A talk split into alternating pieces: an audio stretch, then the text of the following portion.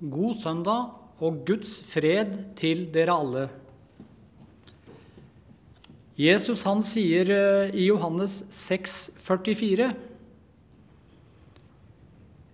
Ingen kan komme til meg uten at Faderen som har sendt eh, meg, drar han, og jeg skal oppreise han på den siste dag. Når Gud drar oss, så kommer alltid vår vilje med i situasjonen.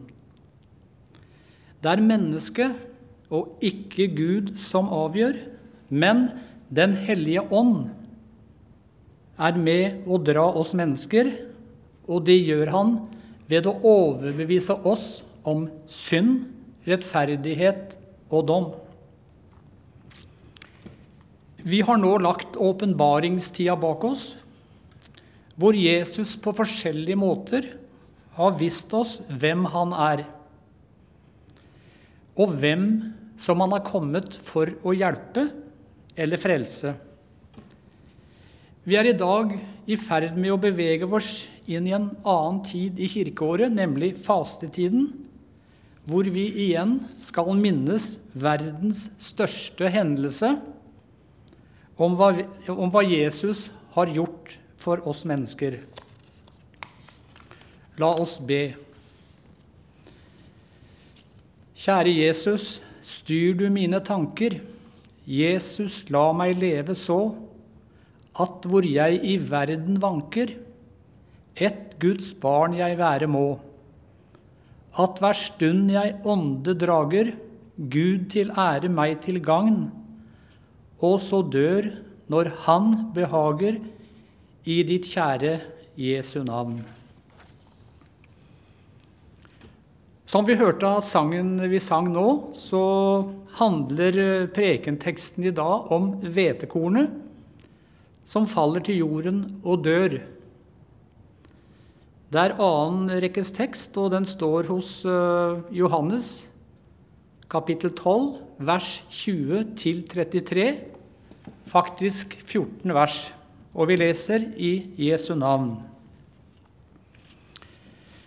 Blant dem som pleide å dra opp for å tilbe under høytiden, var det noen grekere.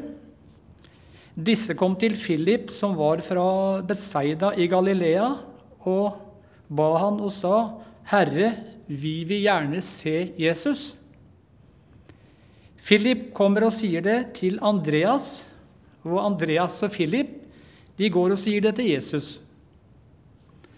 Men Jesus svarte dem og sier, 'Timen er kommet da menneskesønnen skal bli herliggjort.' Sannelig, sannelig, sier jeg dere, hvis ikke hvetekornet faller i jorden og dør, så blir det bare det ene kornet, men hvis det dør, så bærer det mye frukt. Den som elsker sitt liv, skal miste det, men den som hater sitt liv i denne verden, skal bevare det til evig liv. Den som vil tjene meg, må følge meg. Der jeg er, der skal min tjener være. Om noen tjener meg, skal faderen, han skal Faderen ære. Nå er min sjel forferdet, og hva skal jeg si? Far, frels meg fra denne time. Men nei, derfor er jeg kommet til denne time. Far, herliggjør ditt navn. Da kom det en røst fra himmelen. Jeg har herliggjort det, og jeg skal igjen herliggjøre det. Folkemengden som sto der og hørte det, sa at det hadde tordnet. Og andre sa at det var en engel som talte til han. Jesus svarte og sa, 'Ikke for min skyld kom denne røsten, men for deres skyld.'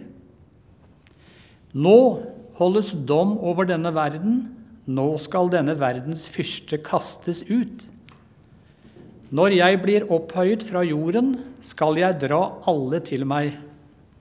Dette sa han for å gi til kjenne hva slags død han skulle dø. Når vi leser disse bibelversene her, så kan vi føle den intense spenningen som er til stede Og det er som stillheten før et stort slag. Et oppgjør mellom lyset og mørket, mellom Satans makt og Gud, skal nå snart utkjempes. Folket er nå på vei til Jerusalem, både de som har tenkt å planlegge å drepe Jesus, og de som kommer for å tilbe han. Men det er bare én som vet at menneskenes frelse eller fortapelse nå skal avgjøres om kort tid. Jesus han skjelver ganske sikkert nå over det som er i ferd med å skje, for han sier i vers 27 Nå er min sjel forferdet, og hva skal jeg si, far? Frels meg fra denne time. Men nei, derfor er jeg jo kommet. Jesus han visste at eh, alt sto og falt på hans gjerning nå, der han sto midt iblant israelfolket og romerne. Han vet også at din og min frelse i dag er helt avhengig av Han alene.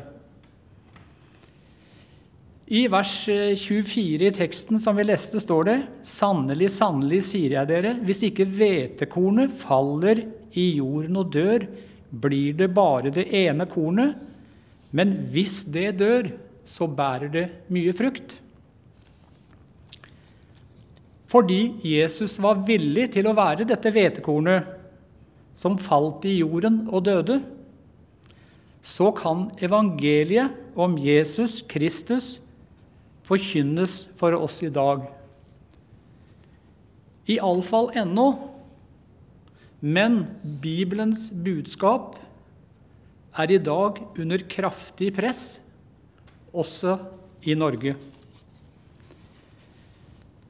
Med sjelen fylt av angst og smerte så vender Jesus seg til sine etterfølgere med disse alvorlige ord som vi leste. Den som elsker sitt liv, skal miste det, men den som hater sitt liv i denne verden, skal bevare det til evig liv. Disse utsagnene skal jeg komme litt tilbake til litt seinere ute i teksten her. I det øyeblikket som Jesus ser korset sitt oppå åskammen, så vet han hva som venter han. Det venter en også en frelse for hele verden, som nå forestår, og det gjelder deg og meg i dag. Jesus vet også at vi får vår kamp og vår motstand her i denne verden. Men vi bør ikke gå så langt for å finne og se at denne kamp tilspisser seg, også her, som jeg nevnte, i vårt land.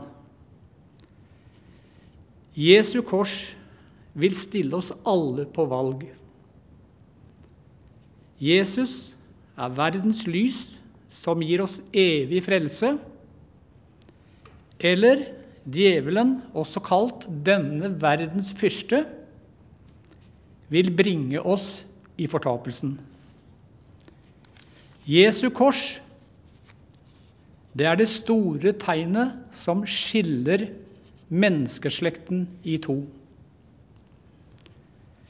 Ved sin død så sprengte Jesus syndens herredømme, og dermed satte han døra til Guds rike åpen, fullt åpen for alle mennesker, inklusiv deg og meg.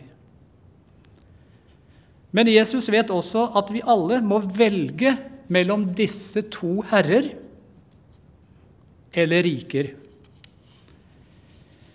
Eh, vi starta i bibelteksten med å lese om noen uh, grekere.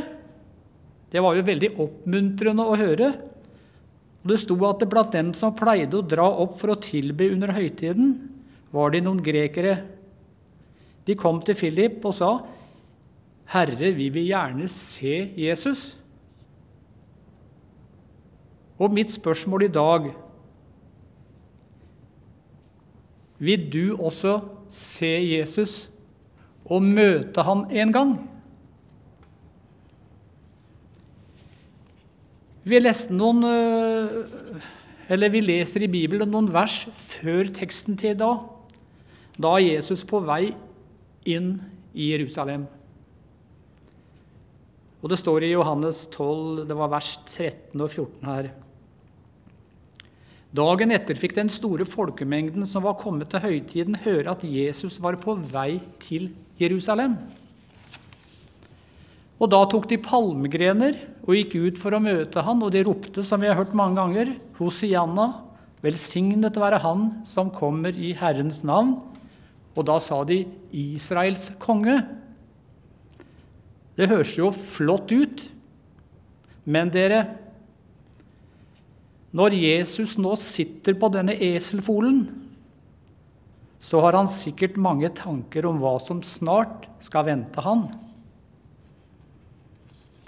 Men Jesus vet også hva vi leste Nå holdes dom over denne verdens fyrste. Nå skal denne verdens fyrste kastes ut. Djevelen har mange navn, men ett av de er denne verdens fyrste. Og et annet navn er Satan, som ikke lenger skal få sitte i sin maktposisjon, og holde menneskene som tror på Jesus, i sitt fangenskap. Han tåler ikke å høre navnet Jesus, akkurat som mange mennesker i verden i dag.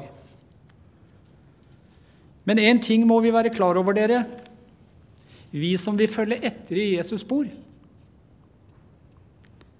Det er Jesu ord, handlinger og forkynnelse De møtte alltid motstand, mange ganger hos disiplene, hos folket for øvrig, og ikke minst hos de religiøse lederne.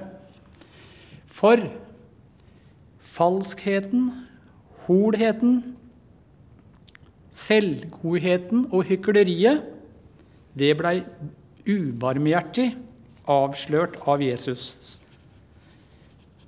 Jesus han var i sannhet det motsatte av mørket. Han var, og han er, verdens, verdens lys, og det sa han sjøl også at han var. Til alle tider så vil Jesu være en dom over mørket, et opprør mot ondskapen i verden, men så er den også en lysstråle som skiller lyset fra mørket. Det virker så brutalt ut når Jesus sier i vers 25 som jeg leste Den som elsker sitt liv, skal miste det, men den som hater sitt liv i denne verden, skal bevare det til evig liv. Jeg nevnte i stad at jeg skulle komme litt tilbake med disse utsagn.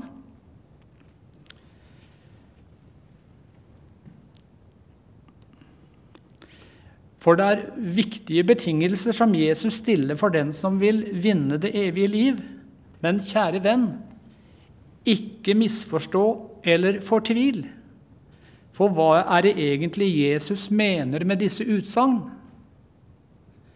Jeg har studert dette litt, og en forklaring som jeg har undersøkt litt nærmere, gjør at denne oversettelsen har en mening som så. Uttrykket elske sitt liv beskriver bare den som tjener seg sjøl. Den som elsker sitt liv, er bare selvopptatt. Uttrykket 'hate sitt liv' det innebærer å tjene Kristus i denne sammenheng.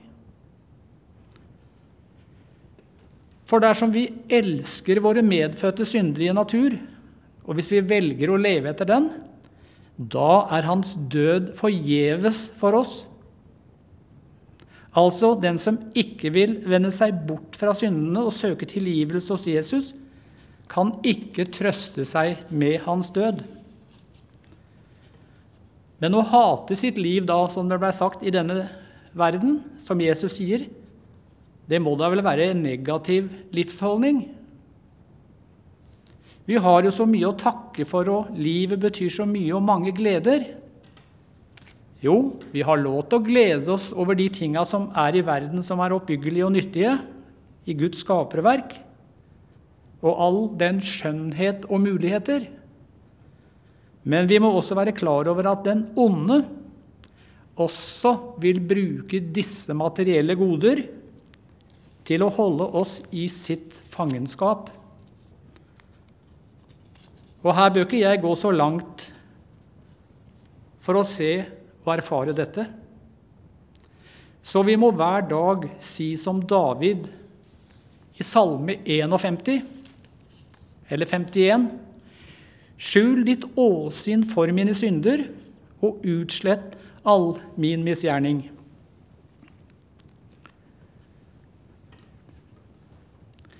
Så Bibelen minner oss i dag om at det er ikke de syndene som vi sliter med, som er de farlige for oss. Men det er de syndene som vi har blitt venner med, og som vi liker.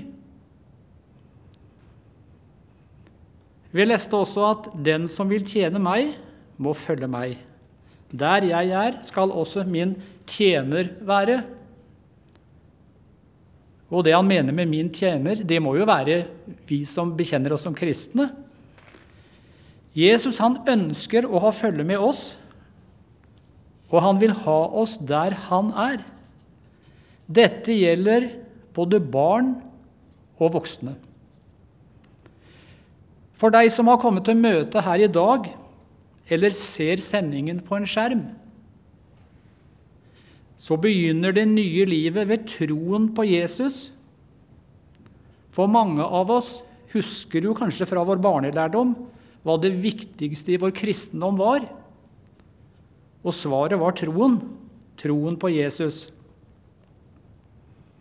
For det står i Romerne 6,4.: Så vi ble altså begravet ved Han ved dåpen til døden, for at liksom Kristus ble oppreist fra de døde ved Faderens herlighet, så skal vi også få lov til å vandre i et nytt liv.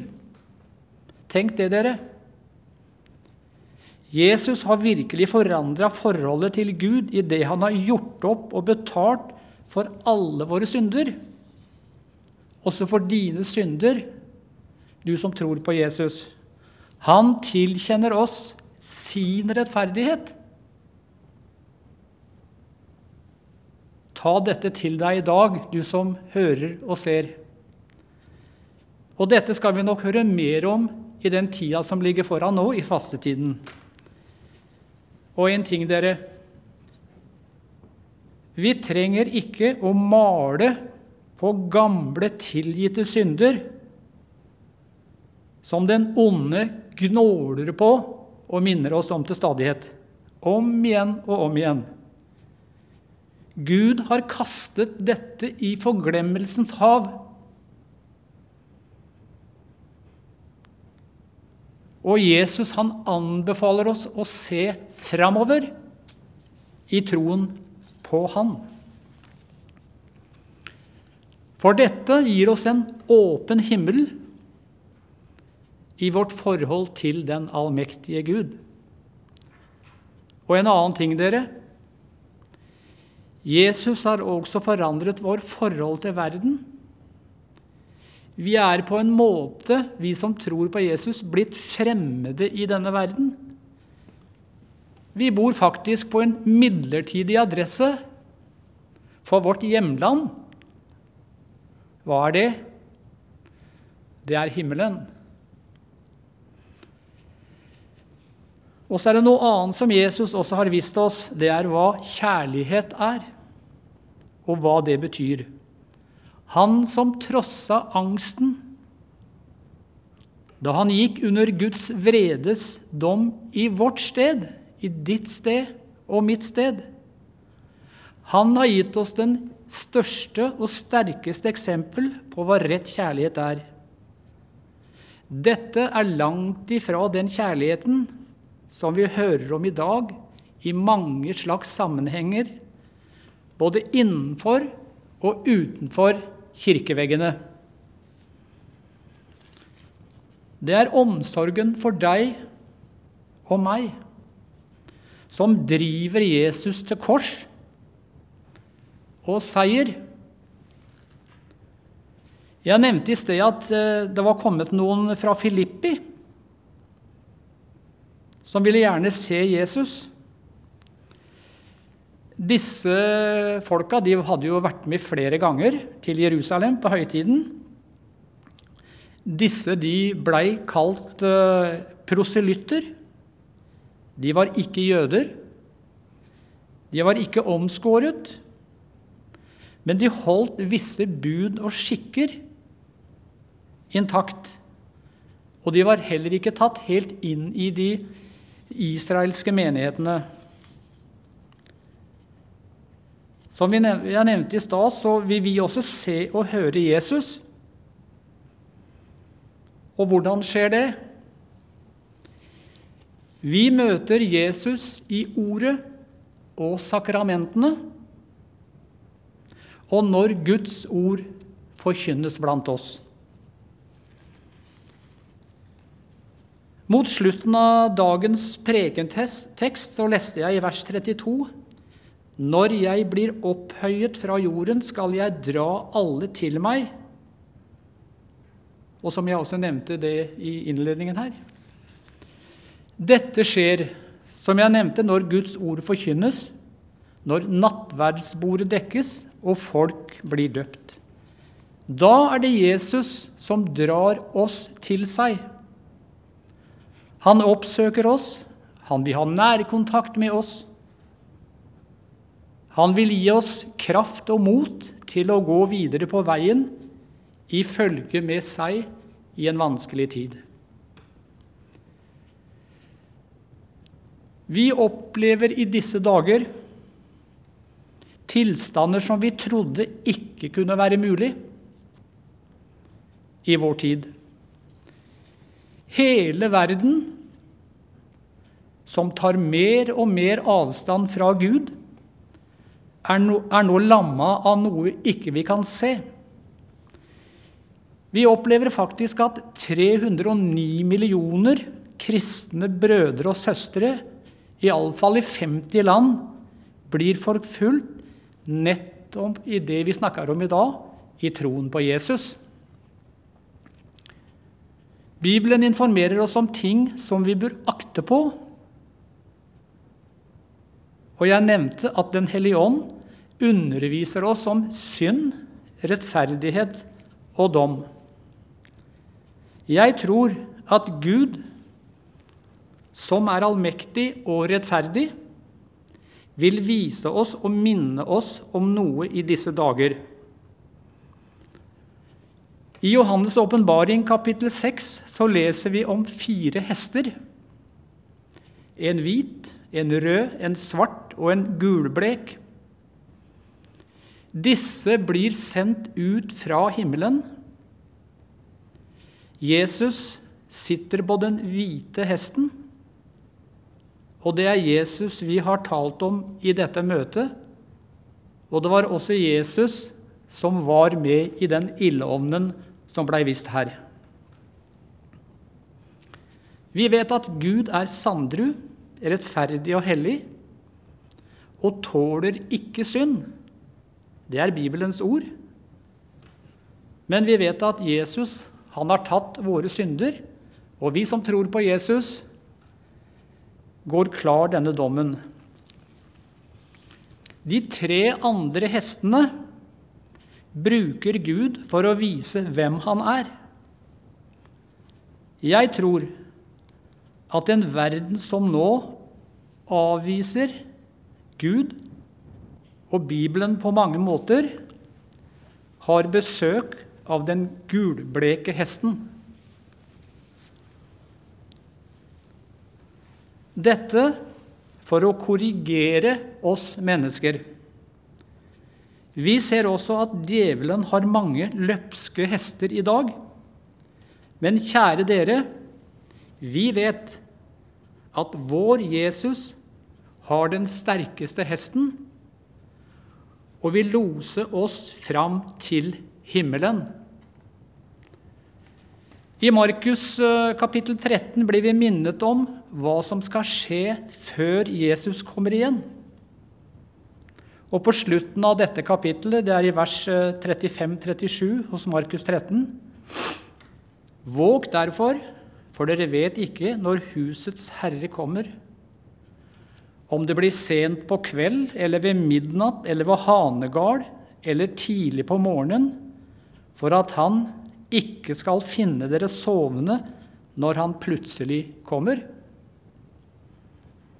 Det sier det jeg sier til dere, sier jeg til alle. Våk.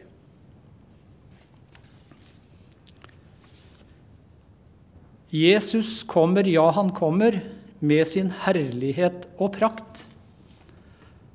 Han skal skape evig sommer, drive kulden bort med makt.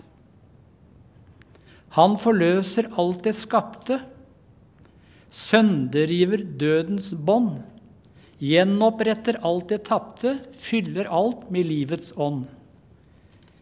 Kristi menighet, vær rede. Se, i dag er nådens tid.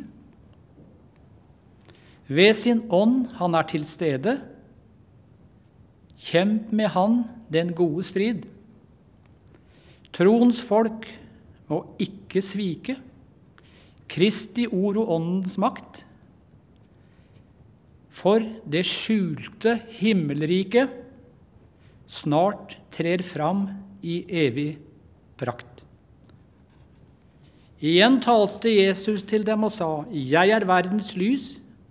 Den som følger meg, skal ikke vandre i mørket, men ha livets lys. Ære være Faderen og Sønnen og Den hellige ånd, som er, var og blir en sann Gud fra evighet og til evighet. Må Herren velsigne deg. Amen.